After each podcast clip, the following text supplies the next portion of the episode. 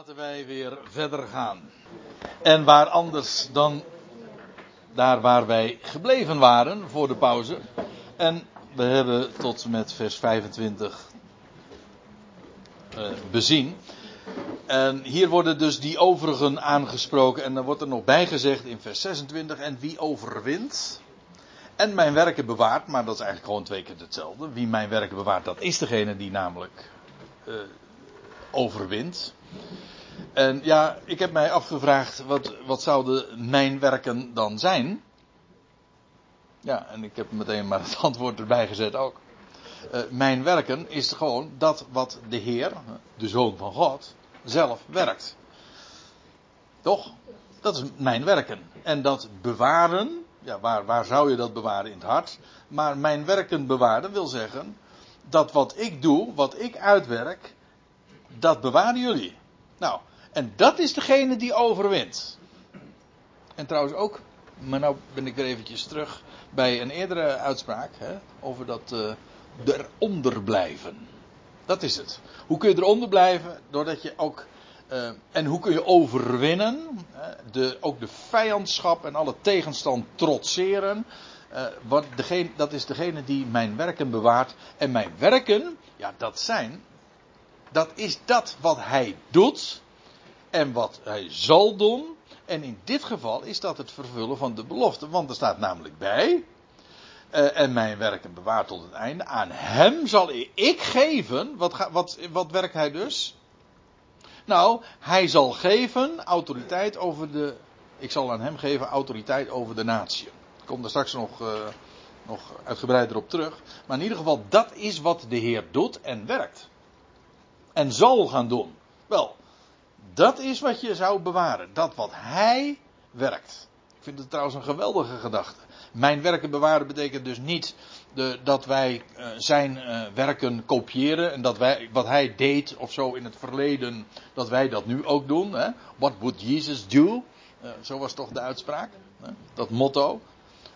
zodat wij dus ja, het gedrag wat Jezus hier op aarde aan de dag legde, dat wij dat in onze dagen nu uh, etaleren of navolgen.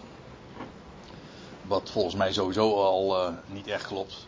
Ik zeg niet dat de gedachte op zich zo fout is hoor, van what would Jesus do? Ik bedoel, je zou kunnen zeggen van, nou, hij wandelde in geloof. In onver... Uh, in onverbiddelijk... Nee, hoe zeg je dat? Onwankelbaar. Ja, onwankelbaar trouw aan het woord van God. Ja, en dat is natuurlijk in het algemeen dat wat wij ook zouden doen. In die zin kun je dat wel zo zeggen. Maar aan de andere kant, ja, Jezus die was geslechtsgezonden tot het huis van Israël. En, en hij leefde nog onder de wet bovendien ook. Uh, wij, onze situatie is een heel andere. Ik vraag mij altijd af. Hè? Uh, niet uh, wat, zou, wat zou Jezus doen, maar wij zijn navolgers van Christus, de opgewekte. Zoals Paulus hem verkondigde. Wordt mijn navolgers, zegt Paulus. Gelijkerwijs ik, Christus, namelijk de opgewekte, nu navolg. Kijk, dat is, dat is andere taal. Dan heb je ook een heel concreet model. Een, ja, een model waar, waar, waar we ons naar kunnen voegen. Namelijk naar Christus, de opgewekte, de verheerlijkte die daar is. Die volgen wij na. Hoe dan wel? Hoe, hoe stel je dat dan concreet voor? Nou, gewoon naar wat hij aan Paulus allemaal bekend heeft gemaakt. En wat wij nu weten en wat voor onze dagen ook volop actueel is. Kijk, de Engelsen zeggen dan ook, hè, what would Jesus do? Maar die zeggen dan ook, that makes sense. Voor mij is dit iets wat echt ja, logisch is. En, maar ook dat onderscheidt de tijden. Dat onderscheidt ook precies dat wat in de schriften ook onderscheiden wordt. Namelijk dat wat gericht is aan de besnijdenis en wat gericht is aan de natie. Nou ja. Hoe dan ook, uh, mijn werken bewaren, dat heeft te maken met uh, het in het hart bewaren van wat de Heer doet. En dat is in dit geval uh, het vervullen van zijn belofte. Maar nog even iets anders, namelijk tot het einde. Dat is niet hier uh, totdat je doodgaat. Of zoiets. Nee, uh, dat einde hier, in het, dat zou je toch eigenlijk ook wel moeten begrijpen, lijkt mij, in het boek De Openbaring. Dat kan je toch moeilijk ontgaan. Het gaat hier over het einde van de Aion. Die uitdrukking komen we in dit verband trouwens ook meerdere malen tegen. Hè, als de, de discipelen dan tot de Heer Jezus komen op de Olijfberg en dan vragen ze: Vertel ons, wat is het teken van uw komst? En uh, wat, waaraan herkennen we de, het einde van de Aion? Zeg, zeg ons wanneer zal dat gebeuren? En wat zal er gebeuren? Nou, en dan staat er in vers 13 van Matthäus 24. En we zijn nu even dus uh, op herhalingscursus, want we hebben natuurlijk een hele tijd geleden. Ja, ons daarmee bezig gehouden. Twee jaar, drie jaar geleden alweer. Ja, de tijd gaat verder. Uh, vers 13. Uh, wie ver, maar wie verduurt tot het einde, namelijk van de Aion, want daar vroegen de discipelen naar, die zal gered worden.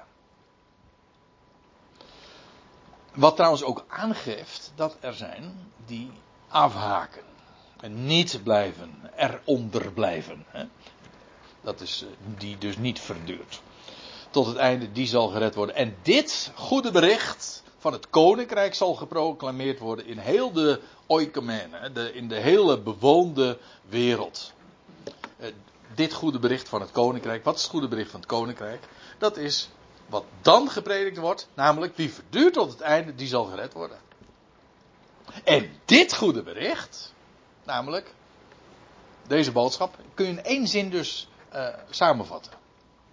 Wie volhardt, of nee, pardon, wie verduurt tot het einde, die zal gered worden. Dat zal in die generatie inderdaad uh, gepredikt worden.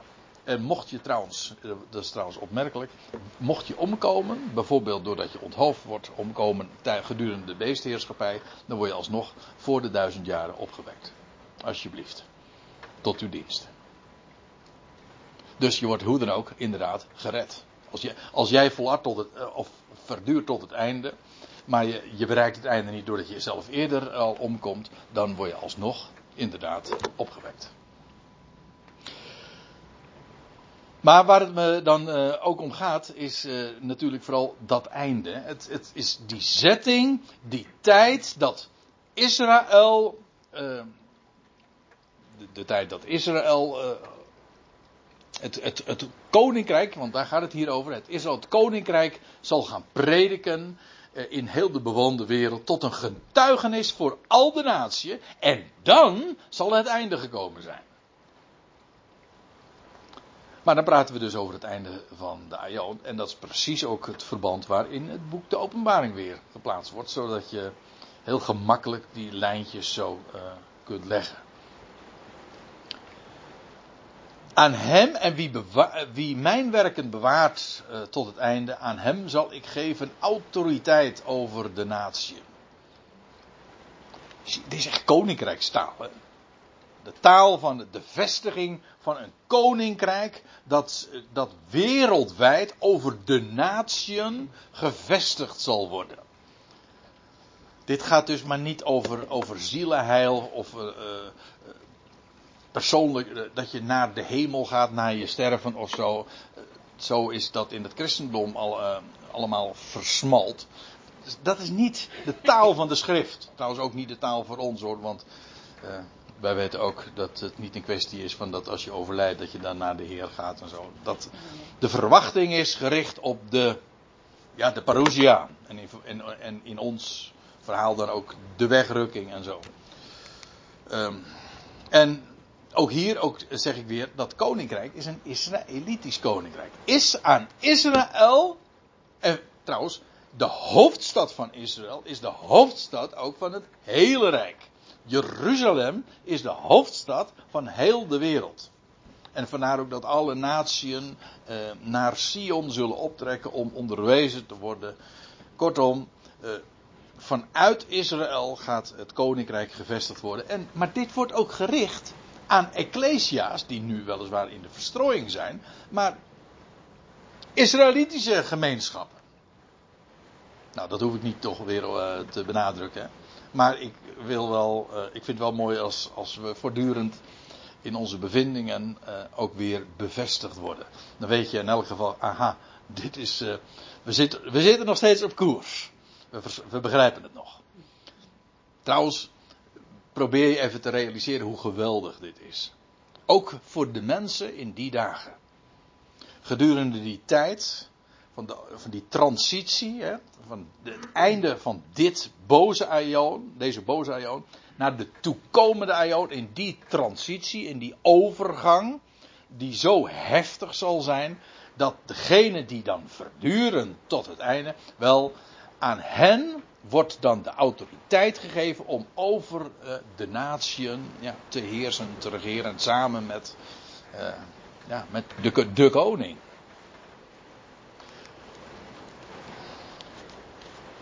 Oh.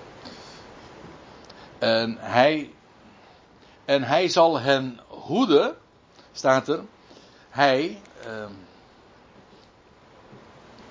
oh ja, en hij zal hen hoeden met een ijzeren knots, zoals voorwerpen van aardewerk worden verbrijzeld, zoals ook ik van mijn vader ontvangen heb. Dit is dus de belofte die gegeven wordt aan de,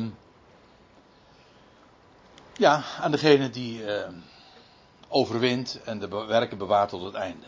Die zal dus, uh, er wordt hier gezegd, en hij zal hen hoeden met een ijzeren knots. Hé, hey, maar dat is eigenaardig. Want wie zal dat doen? Ja, in dit vers staat het trouwens ook al hoor. Dat is de zoon, de zoon van God. Maar eh, het is een citaat uit eh, Psalm 2, wat mij erg bekend voorkomt, want ik uh, ben momenteel uh, bezig met een serie in. Uh, ik spreek een, deze maand een drietal keren in Den Haag, of ja, vijf, zes weken. En ik heb drie keer. ik heb nu twee keer gesproken over Psalm 2. En de volgende trouwens nog een keer. En dat is die psalm waar gezegd wordt, waar gesproken wordt over de natieën die zich zullen keren tot de Heer en, zijn, en tegen zijn gezalfde. En dan dat triomfantelijke van die in de hemel zetelt, die lacht. En de Heer spot met hen. Ik heb toch mijn koning gevestigd daar, uh, gesteld in Zion. Die psalm. Geweldig, een schitterende psalm. Om eventjes een, een kijkje te krijgen van bovenaf met recht. Dan, ga je van bovenaf naar de wereld kijken. Dat, is, dat kan ik je echt aanbevelen. Ik hou sowieso altijd wel van die. Ik, ik heb hoogtevrees, dat wel. Maar uh, ik hou altijd wel van zo'n. Uh, zo'n. zo'n overzicht. Hè? Hoe noemen ze dat? Overview, ja. Een helikopterview, die, dat woord zocht ik, ja. Ja. Dan heb je zicht en dan kun, dan kun je ook op de dingen neerkijken. Waar, we, waar de mensen hier op aarde dan allemaal tegen opkijkt, dan kijk jij dan op neer. Dat is net zoals wat er uh, ooit in Babel aan de hand was. Weet je wel, in Genesis 11. Dat de mensen dan een toren maken tot uh, laat onze naam maken en, het opperste, waar, waarvan de, en de toren waarvan het opperste rijk tot aan de hemel. En dan staat er van de, en de, dat Heer die, moest naar, die kwam naar eh, beneden die moest afdalen om te zien wat ze mee bezig waren. Dat, dat is toch humor? Hè? Ja, precies. Ja, het is gewoon een grasprietje. Zeg. Wat is dat? Dus ja, al die na, als, als, als dan de mensheid zich verenigt en denk je van, oh jongens, dit is echt serieus. En dan staat er wel nee man, wam, weg ermee. Ik heb mijn plan. En dan uh, korte metten worden er meegemaakt. en, en dat wat hier gezegd wordt, degene die hier wordt aangesproken is uh, hier de overwinnaars daar in Thyatira. Jo, Israëlieten. Hij zegt, jullie zullen met mij, als jullie verduren tot het einde, dan zal je met mij, uh, hij zal een hoeden met een ijzeren knotsen, zoals ook ik dat van mijn vader ontvangen heb. Ja. Maar nog even nog even iets anders, want ik had dat vers al getoond. Uh, namelijk wat er staat in openbaring 12.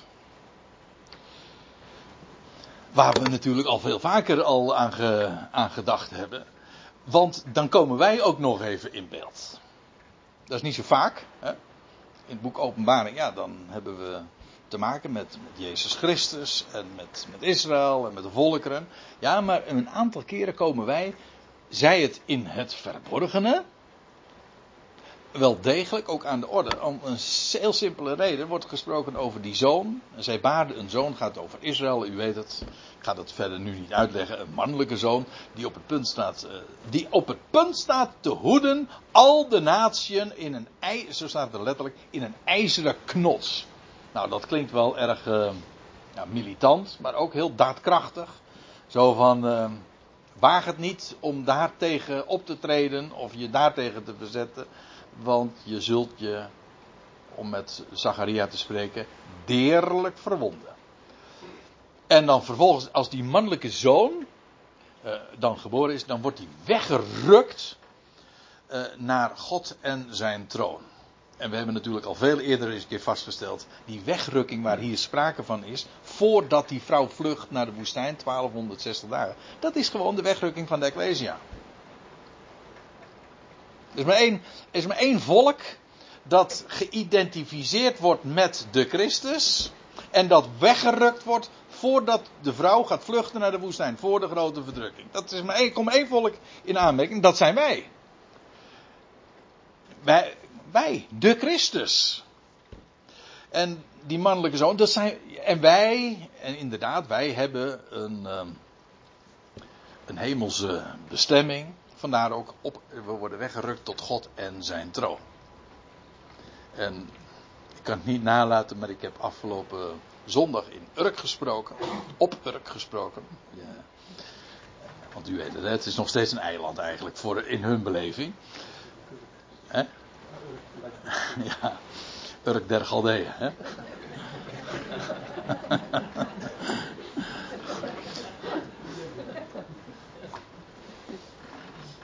En, toen, en ik, ik ben daar bezig met een, uh, eigenlijk een heerlijke serie. Dat vind ik zo heer, oh, prachtig om daarover uh, te denken en uh, te spreken. dat gaat over eerstelingen en eerstgeborenen. Maar het idee is dat in de Bijbel het eerstgeborene, dat heeft de hoogste bestemming altijd. Al wat de baarmoeder opent, klinkt het dan plechtig, dat is mijn. Al het eerstgeborene, dat krijgt de hoogste bestemming, dat moet naar de tempel en is voor God. Maar wat dacht je wat? Nou is de Heer Jezus Christus de eerstgeborene uit de doden. En het volk dat hij als eerste om zich heen verzamelt. Als de, eer, als de eersteling van een nieuwe schepping. Ja, dat is het volk van eerstgeborenen. En welke bestemming zou het dan krijgen? Natuurlijk, de hoogste bestemming. Ook Israël is trouwens in een ander opzicht een volk van eerstgeborenen. En zij krijgen ook de hoogste bestemming, maar hier op aarde. Maar het echte eerste volk, dat zijn wij. Ik bedoel, de Heer Jezus is opgestaan, verheerlijkt en het, en het volk dat hij nu verzamelt uit de natieën voor zijn naam, ja, dat is, uh, is, wordt zelfs geïdentificeerd met Christus. Dat is onvoorstelbaar. Heeft trouwens, en ik heb dat afgelopen zondag ook uh, verteld, en ik, ik word niet moe om dat uh, te benadrukken en te herhalen. Dat heeft dus niks meer te maken met prestatie of zo een eerstgeborene. Ik bedoel, het is toch geen prestatie dat je het eerstgeboren bent? Of, nee, dat ben je. Of een eersteling. Ja, het is toch geen prestatie dat een krokus nou al bloeit en dat de tulpen nog even wachten? Nee, ach, gewoon, nee. Kijk eens. Wel, vroeger, eh, even, eh, mag ik even zeggen, dat is een, een grapje tussendoor. Ik woonde destijds in Aalsmeer, daar ben ik, tot mijn dertigste heb ik daar gewoond. En uh, mijn vader had een, een kwekerij en uh, naast ons was ook een kwekerij. Van een man die, die daar niet zoveel van bakte. Een hele aardige man, maar die had een, een, twee, of twee kleine kastjes met, met rozen. En in die, in die kassen, daar, daar liep ook kippen rond. En zo af en toe moest hij wel eens een keertje dan bestrijden. En dan zo'n ja, een of ander gas uh, deed hij dan in, uh, met zo'n apparaat. Uh, deed hij dan in die kassen. En, maar dat was echt heel giftig spul. Maar hij liet, hij liet die kippen daar gewoon in, in die, in die kassen rondlopen. En wij, ja, dat was niet erg groen, hè? Nee. Dat was niet milieubewust. maar we hebben hem toen een keertje daarop aangesproken. Goos, zo heette die. Dat kan toch niet? En weet je wat hij zei? Nou, hadden ze maar geen kip moeten worden.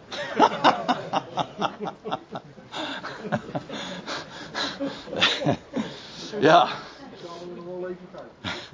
Ja, zo waar. Ja, wat dat betreft had hij het nog uh, bij het recht aan. Ik weet niet of het vlees ook goed van die kip was.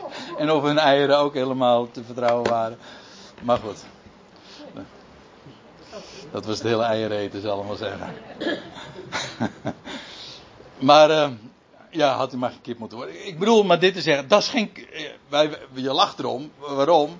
Omdat het namelijk geen keuze is, hè, of je een kip wordt. Het is ook geen keuze om een krokusje te worden. Het is ook geen keuze, en dat is de, hele, de bottomline eigenlijk van wat ik vertel. Dat je een eerstgeboren bent. Dat je nu, dat je hoort dat je in een tijd mag leven dat, dat een volk verzameld wordt voor zijn naam. Ja, dan ben je een, eerst, eersteling. En dus, om die reden dat je een eersteling bent, of bij een volk van eerstelingen hoort, heb je de hoogste bestemming. That's it. En dat is, ja, is een enorm voordeel. Ik bedoel, God gaat de hele wereld redden, maar dat je nu al tot die eerstelingen mag behoren. Dank God, dat is wonder op wonder.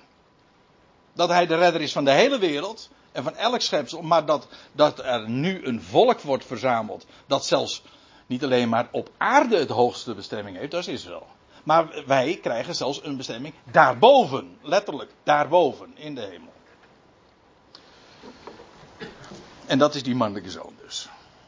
En vandaar ook, en die wordt het eerste ook, oh dat is trouwens ook weer eerst geboren, hè? die wordt het eerst in veiligheid gebracht. En het, het koninkrijk wordt hier niet op aarde het eerst gevestigd, maar in de hemel. Dat is een wat onbekend onderwerp, maar we hebben er al wel diverse keren ook aandacht aan gegeven. Eerst wordt het koninkrijk in de hemel gevestigd, dat is nog steeds niet gebeurd. Nog steeds hebben, uh, uh, in de hemel geschiet nog steeds niet Gods wil. Ja?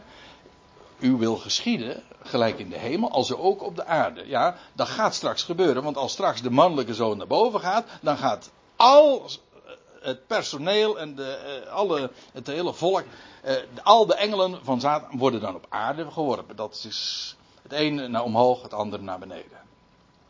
Maar dan wordt het koninkrijk gevestigd in de hemel.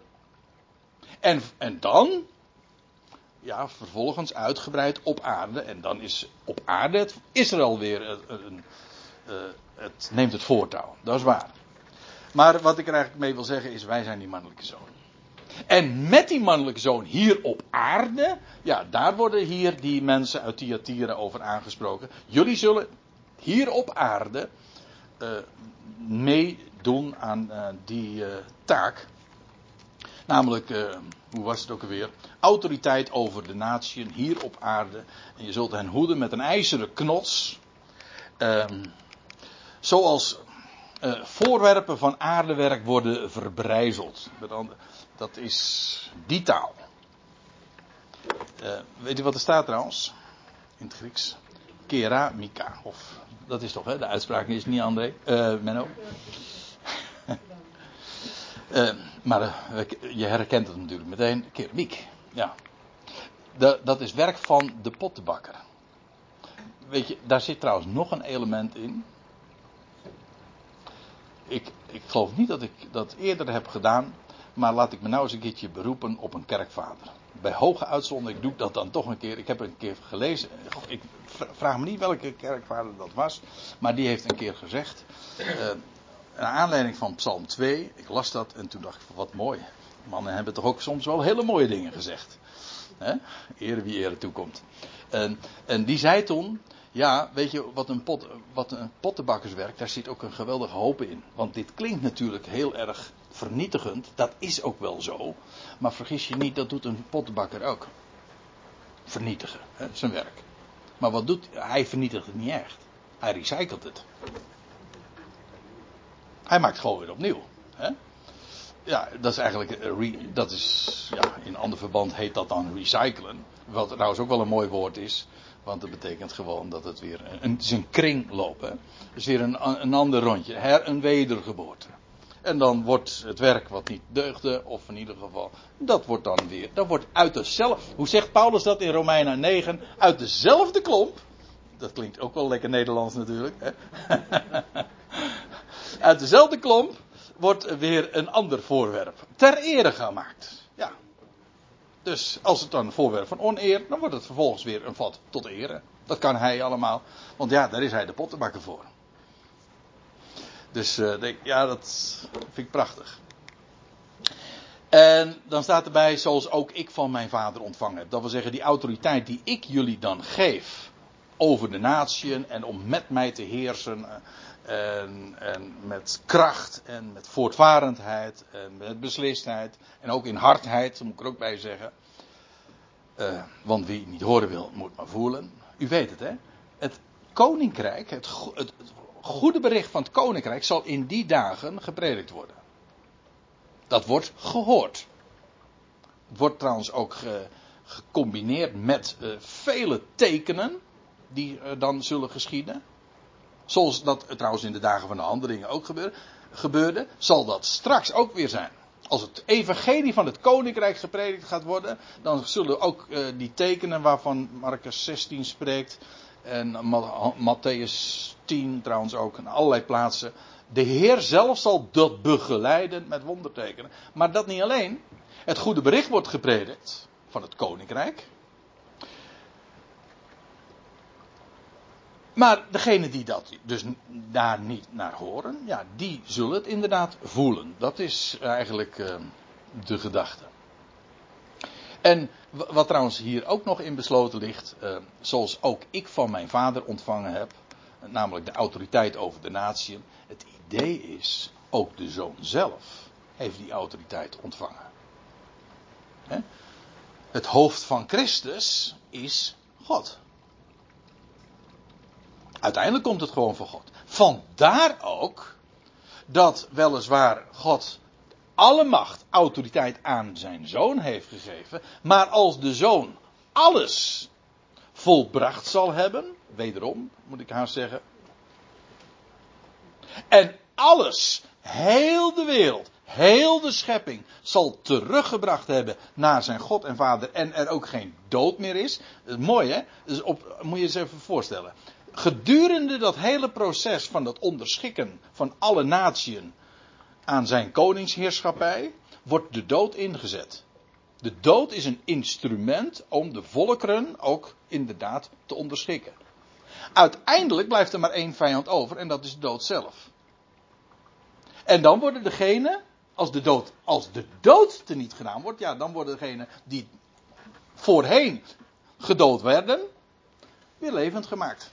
En dan is er geen vijand meer over en dan leven allen. En dan als alles zal zijn voltooid en heel het plan van God gerealiseerd en alles, heel de schepping en iedere creatuur weer teruggebracht is bij zijn God en Vader, dan kan de zoon dat weer allemaal teruggeven aan zijn God en Vader die het hem ooit heeft gegeven. Namelijk de koningsheerschappij. En dan wordt het niet meer een heerschappij over, maar dan wordt God alles in allen is er geen sprake meer van een heerschappij onder het gezag van God alles in allen. Maar zo zie je dus dat ook de zoon zelf die heerschappij heeft ontvangen van zijn vader. En staat er nog bij, want ik wil het wel even natuurlijk afronden, ja dat kan. Um, en, en ik aan hem geven de ster van de vroege morgen. Ja. Uh, dat zou eigenlijk één zin moeten zijn. Nou, en ik zal hem inderdaad de, de, de ster van de, geven van de vroege morgen. Uh, u ziet het. Uh, de ster. Ons woord ster komt trouwens ook uit het Grieks. Je ziet het gewoon. Sterra. En dat is, ja, wij kennen hem onder de Latijnse naam Venus. Dat trouwens ook de avondster, de morgenster en de avondster. En ik heb hier een plaatje. Nou ja, eh, niet deze natuurlijk, want dat, Dat is de maan, ja, even voor de goede orde. Maar dit, die hel, dat heldere licht aan de hemel, wat je in de vroege ochtend ziet als het nog allemaal donker is. En s'avonds trouwens ook dikwijls. Dan zie je Venus. Dat is de helderste, met soms Jupiter, is dat de het helderste lichaam, hemellichaam. Uitgenomen dan uh, de zon en de maan natuurlijk. Uh, aan, aan, ja, het helderste hemellichaam. Je herkent hem trouwens ook doordat hij niet fonkelt. Hij weerkaatst het licht reflecteert. Uh, maar de ster van de vroege morgen. En dat, uh, dat moet je even voorstellen. Wat hier gezegd wordt tegen, uh, in die tijd van het verduren van die tegenstand en dan wie overwint. Ik zal jullie gaan geven. Autoriteit over de natie. Dat koninkrijk gaat binnenkort. Het is de tijd van het einde is naderd en ik ga jullie dat geven. Het is nog nacht. Het is, of laat ik het anders zeggen, het is nog donker. Maar het licht van de nieuwe dag, dat schijnt al. Ja, en ik zal hem geven de ster van de vroege morgen, dat is niks anders dan dat licht. Ja, wat anders van, dan het woord. Hè? De verwachting van de nieuwe dag, terwijl het nog donker is. Wat de Heer eigenlijk aan hen belooft is, ik geef jou mijn belofte. En dat licht, dat schijnt. En terwijl het, het nu nog donker is, de dag is, staat op het punt aan te breken. Ook dit in feite geeft weer aan in welk tijdsgericht we zitten. Namelijk de nacht. Het is nog nacht, maar de zon staat op het punt op te komen. En die verdrijft dan inderdaad de duisternis. Maar zover is het nog niet. Maar hij zegt: Jullie krijgen de ster van de vroege morgen. En dat is dat die, dat licht uh, van. Uh, ik moet trouwens ook uh, denken aan een tekst in, in Petrus, waar ook gezegd wordt. Ik heb er geen diaatje van. Maar daar staat in. Dit. wij achten het dat zegt Petrus, het profetische woord. Daarom des te vaster. En je doet wel er acht op te geven. En eh, erop acht te, uh, te geven in uw harten. En dan staat erbij, als een lamp, als op een lamp die schijnt in een duister, in een groezelige plaats. Totdat de dag aanbreekt en de morgenster opgaat in uw harten. Ja, nee, totdat de morgenster opgaat. Uh, dat, uh, wat is dat licht? Dat is het profetisch woord. God die het zijne gezegd heeft, zo gaat het gebeuren. Ik heb alles onder controle en ik ga mijn koninkrijk vestigen. En jullie, terwijl het nog verduren is, krijgen, hebben dat licht. En dus die verwachting ook. Wie een oor heeft, dat is het laatste wat tegen Thyatira gezegd heeft, wordt wie een oor heeft, maar dat is het slot van elk van die zeven brieven. Laat hem horen wat de geest tot de Ecclesia zegt. Want u weet het, hè. Al die Ecclesia's die luisteren mee. En al die Ecclesia's zullen weten dat het waar is wie hier aan het woord is, want hij maakt het allemaal waar. Nou, dan zouden we verder kunnen gaan met Sardes, maar dat doen we niet. Dat doen we de volgende keer. En dan wil ik Sardes en Philadelphia in één keer bespreken. Is mijn planning op dit moment. Dat is dus de, dat voorbehoud wat ik